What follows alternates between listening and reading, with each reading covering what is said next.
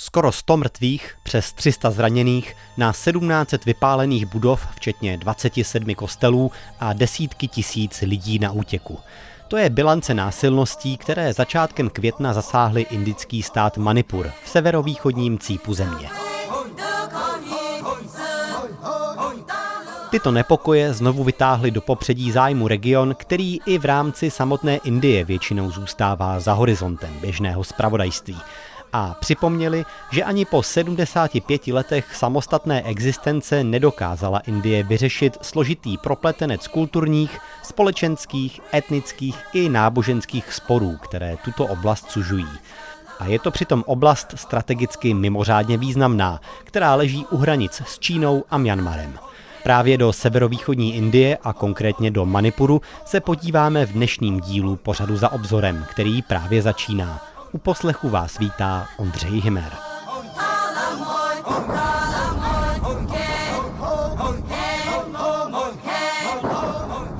Posloucháte pořad za obzorem. 20. dubna tohoto roku vydal nejvyšší soud státu Manipur doporučení, aby vláda požádala o zařazení komunity Meitejů na seznam tzv. soupisných kmenů. Byl to v zásadě administrativní krok, který v tu chvíli v praxi žádnou změnu nepředstavoval. Přesto vedl k protestům a nepokojům, které začátkem května přerostly v krvavé násilnosti. Proti výnosu soudu se postavili hlavně příslušníci etnika Kukiů. Začaly mnohatisícové demonstrace, přišel žhářský útok na tělocvičnu ve městě Churachandpur, kterou měl slavnostně otevřít premiér Manipuru Biren Singh. Příslušníci etnika Meitejů reagovali brutálními odvetnými útoky na domy a obchody Kukiů i dalších kmenových obyvatel a také na jejich kostely. 3. května byl Manipur v plamenech a desítky tisíc lidí prchali ze svých domovů do hor nebo do provizorních táborů zřizovaných na vojenských základnách. Přišli a křičeli pobíte. Utekli jsme jen s tím, co jsme měli na sobě. Viděla jsem tam sousedy, kteří vedle nás žili 60 let. Majitele obchodu přes ulici, kde jsme nakupovali. A teď nás přišli zabít. Popsala události ze začátku května reportérovi serveru The Quint kukýská žena, která nakonec díky křesťanské organizaci našla útočiště až ve vzdáleném Dili. Kukiové mluvili o státním terorismu mejtejských vládnoucích elit, mejtejští politici zase o narušování pořádků ze strany kukijských nelegálních migrantů a výrobců opia. Ještě než se pustíme do rozboru stávající situace a jejich kořenů, je ale třeba říct pár slov o Manipuru jako takovém, protože otázky geografického členění a etnické i náboženské příslušnosti jsou v tomhle státě velmi úzce propojené a jsou jednou z příčin současného konfliktu. Pokusím se být co nejstručnější. Manipur je hornatý indický stát s rozlohou Moravy, ve kterém žijí asi 3 miliony lidí. V jeho středu se nachází rozlehlé údolí, pokrývající asi 10% rozlohy a představuje prakticky jedinou úrodnou půdu umožňující intenzivní zemědělství a leží tam i hlavní město Imphal. V údolí Imfalu žijí Mejtejové, kteří představují asi 53% obyvatel státu a jsou historicky vládnoucí vrstvou, která i dnes s přehledem kontroluje veškeré politické dění v Manipuru. Okolní rozlehlé hory pak obývá směs desítek různých kmenů, z nichž největší část patří k etnikům Kukiů a Nágů. A právě jejich lidová hudba zatím provází tento díl. Jsou to vlastně gospely, náboženské zpěvy, protože horské kmeny severovýchodní Indie jsou téměř bezvýhradně křesťanské. Mejtejové z nížin naopak jsou většinou hinduisté nebo vyznávají své vlastní náboženství. Socioekonomické, etnické a náboženské dělící linie jsou tak narýsované v celku jasně. A v tomhle prostředí už desítky let s nízkou intenzitou, ale za to vytrvalé probíhá velmi nepřehledný povstalecký boj desítek různých ozbrojených skupin, jejichž zájmy jdou proti sobě.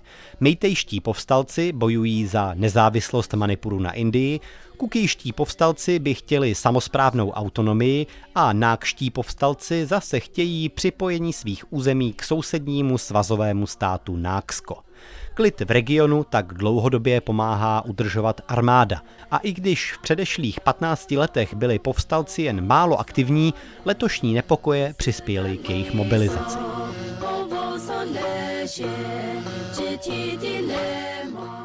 Po narýsování těchto základních obrysů pojďme konečně tohle všechno zasadit do širšího rámce a s tím mi pomůže můj dnešní host, indolog Zdeněk Štipl z Ústavu azijských studií na Filozofické fakultě Univerzity Karlovy.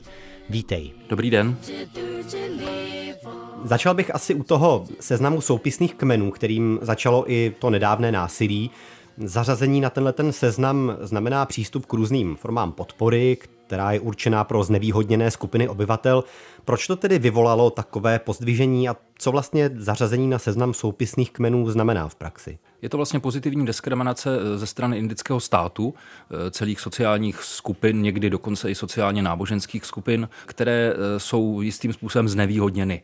Zajišťuje pro ně v oblastech, kde samozřejmě jsou v nějakém procentuálním zastoupení, tak pro ně zajišťuje přístup do školství, do státních úřadů, různá stipendia a tak dále. A vlastně tím se vytváří na druhou stranu taková určitá nerovnost mezi obyvatelstvem, který do těchto těch kategorií nepatří a potom mezi těmi, který na ně mají nárok. To vede v mnoha, mnoha tenzím. Bohužel navíc on, on teda byl předpoklad v roce 1950, kdy eh, ústava začala platit, eh, že to bude pouze dočasný stav na jedno nebo dvě desetiletí, hmm.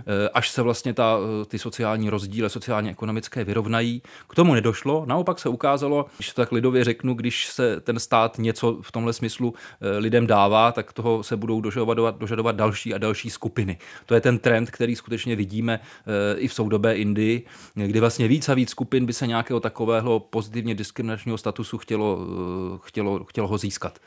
A když se podíváme konkrétně na ten případ Manipuru, tak eh, proč tedy těm kukiům, těm kmenovým obyvatelům, kteří na tom seznamu už teď jsou, by mělo vadit, že by se na něj dostali i ti Mejtejové, ta většinová populace Manipuru. Určitě je ve hře eh, dlouhodobá eh, řevnivost mezi těmito segmenty společnosti. Vadí jim to z principu věci. Mají pocit, že jim někdo odebírá práva, která už jim teď náleží.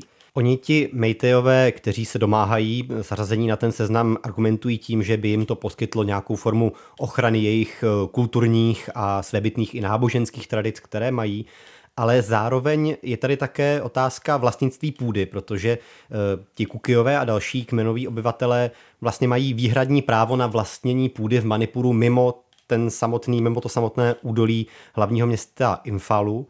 A ti Mejteové tam půdu mimo v těch horských oblastech vlastnit nesmějí. Myslíš, že i to je ve hře? Ano, určitě to tak bude. Jestli se nepletu, tak zhruba pouze kolem 10% půdy mají pod palce nebo mohou e, využívat majtajové, ačkoliv jsou tedy majoritou a zároveň teda u nich je ještě ten problém, že oni sami sebe považují za to původní e, obyvatelstvo e, téhleté hmm. oblasti. Samozřejmě pokud jde o půdu, e, v případě oblasti, která je závislá na zemědělství, tak je to ta nejdůležitější věc, protože zajišťuje lidem obživu. Majtajové jsou národ, který má dost jako dlouhou tradici státnosti, údajně sahající až do nějakého prvního století našeho letopočtu, kdy jsou nějaké prý první zmínky o mejtejských králích. Eh, jejich jazyk je vlastně jedním z těch 22 oficiálních jazyků Indie. Tak eh, mohou vůbec splňovat eh, kritéria pro to, aby se stali tím soupisným kmenem?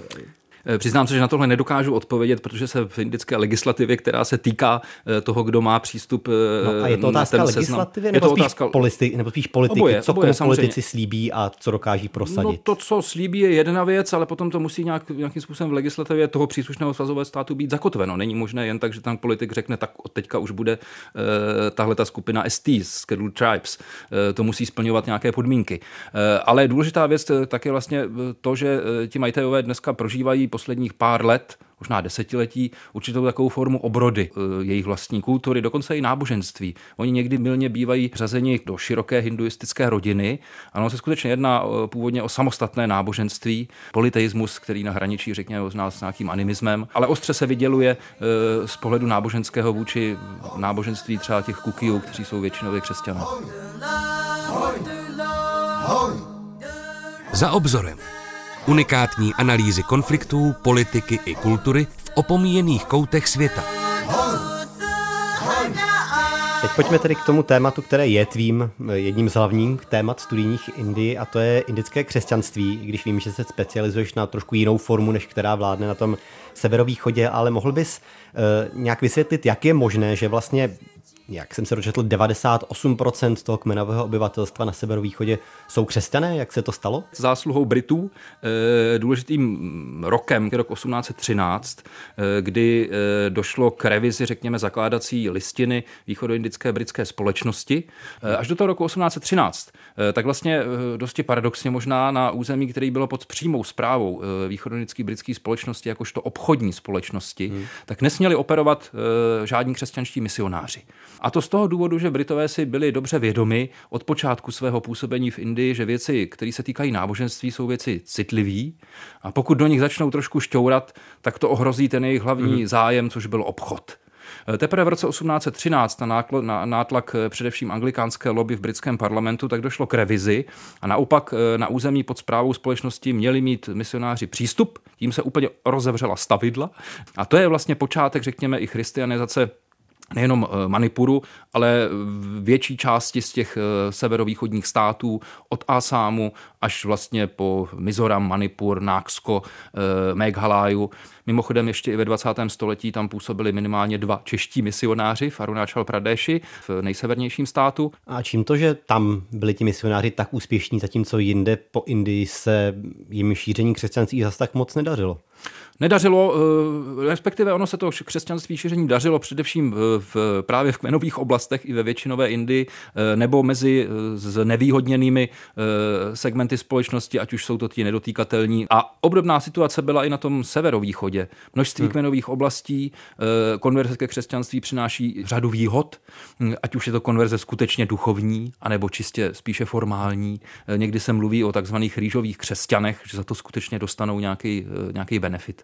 No a jakou roli hrálo náboženství v těch nedávných nepokojích, které Manipur zachvátili? Protože ta dělící linie je právě i v oblasti náboženství. Ti Kukijové jsou křesťané z valné většiny a ti eh, Mejtejové jsou tedy částečně asi hinduisté, částečně vyznavači toho jejich původního náboženství, tak Myslíš, že je možné o tom mluvit jako o e, náboženském konfliktu, mezináboženském? Ne, mezináboženském bych určitě neřekl, ale mm, vždycky ty, ty věci týkající se náboženství sehrávají v Indii nějakou roli. A tady si myslím, že jde skutečně o půdu, e, o vliv e, v oblasti.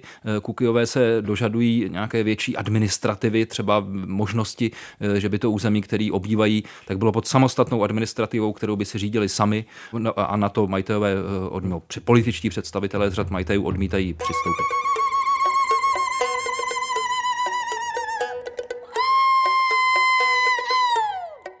Pojďme se teď podívat na trošku širší souvislosti i historické souvislosti, protože tady ten odpor kukýského obyvatelstva vůči Mejtejům a snaha domoci se nějakého většího zastoupení nějak jako nespadl z nebe rozhodně. Je to e, poměrně dlouhá tradice, která pevně zapadá do všeobecné problematiky povstaleckého boje v celé té severovýchodní Indii.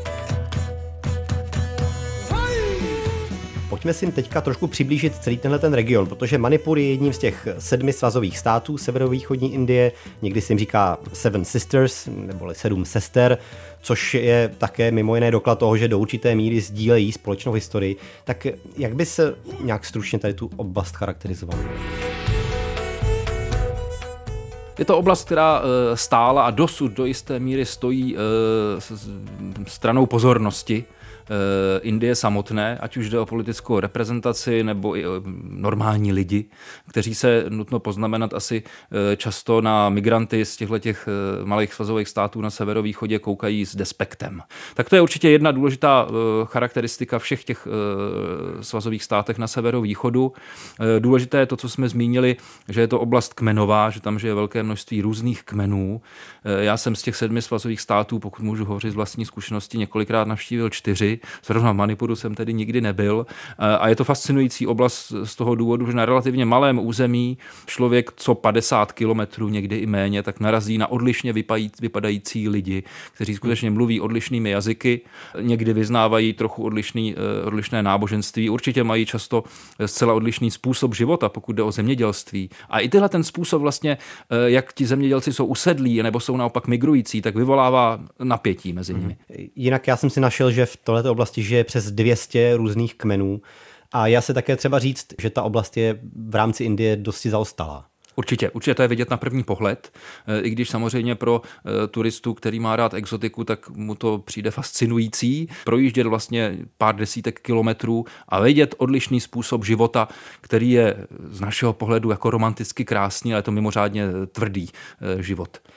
Možná bychom také mohli říct, že vlastně i jako kulturně je ta oblast i viditelně jiná, co se týče třeba oblékání, architektonických stylů, že zkrátka vidět, že už je na pomezí jiných velkých eh, kulturních okruhů, jako je Čína, a jako je také jihovýchodní Asie, Myanmar, že je to zkrátka... A jako je Tibet samozřejmě, eh, svazový stát Arunachal Pradesh bezprostředně sousedící s Tibetem.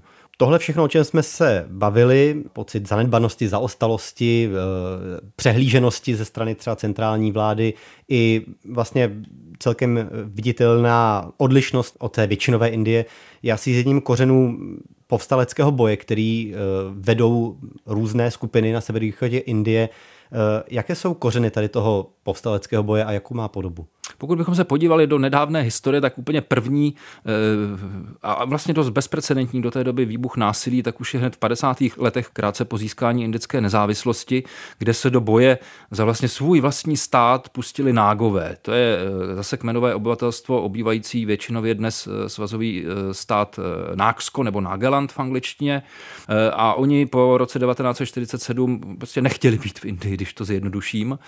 A už v 50. letech se tam zedmul skutečně velký eh, povstalecký boj, dá se hovořit o eh, gerilové partizánské válce, který měl i jako, řekněme, ten náboženský háv, protože eh, nágové nebo političtí představitelé nágů tak tvrdili, my jsme křesťané, my s tou hinduistickou Indií nemáme co dočinění. Mm. To téma bylo dokonce i internacionalizováno, protože jeden z vůdců, takových poměrně krutých vůdců tohoto nákského boje, Angami Zapu Fizo, tak prchnul z Indie, nalezl exil ve Švýcarsku a potom medializoval vlastně, nebo internacionalizoval problém Nákska, eh, takovou, s takovou dost jako militantní eh, křesťanskou rétorikou, že tam skutečně eh, nákští křesťané trpí pod byčem indického státu.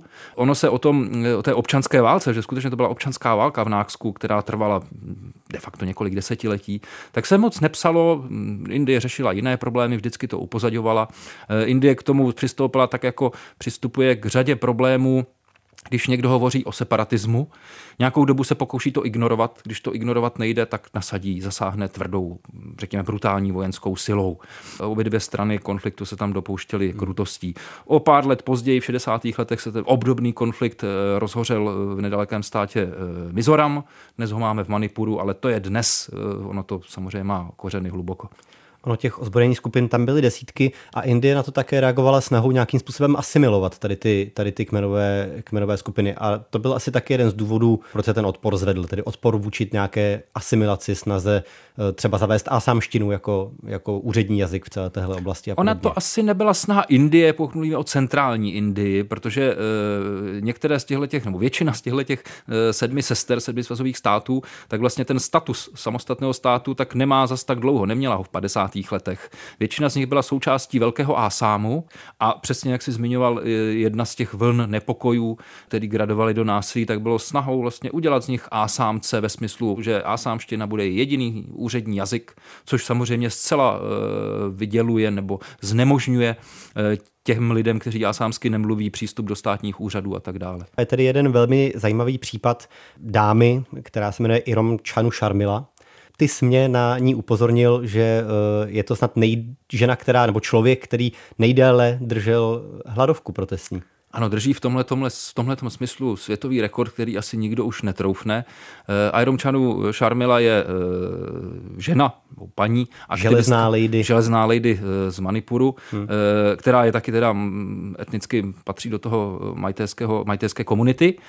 A ona, tuším, že byla asi 27-28 let, v roce 2000 přesně, hezky si to pamatuje, vstoupila do protestní hladovky, kterou byla rozhodnuta držet až k smrti. Ani nepila?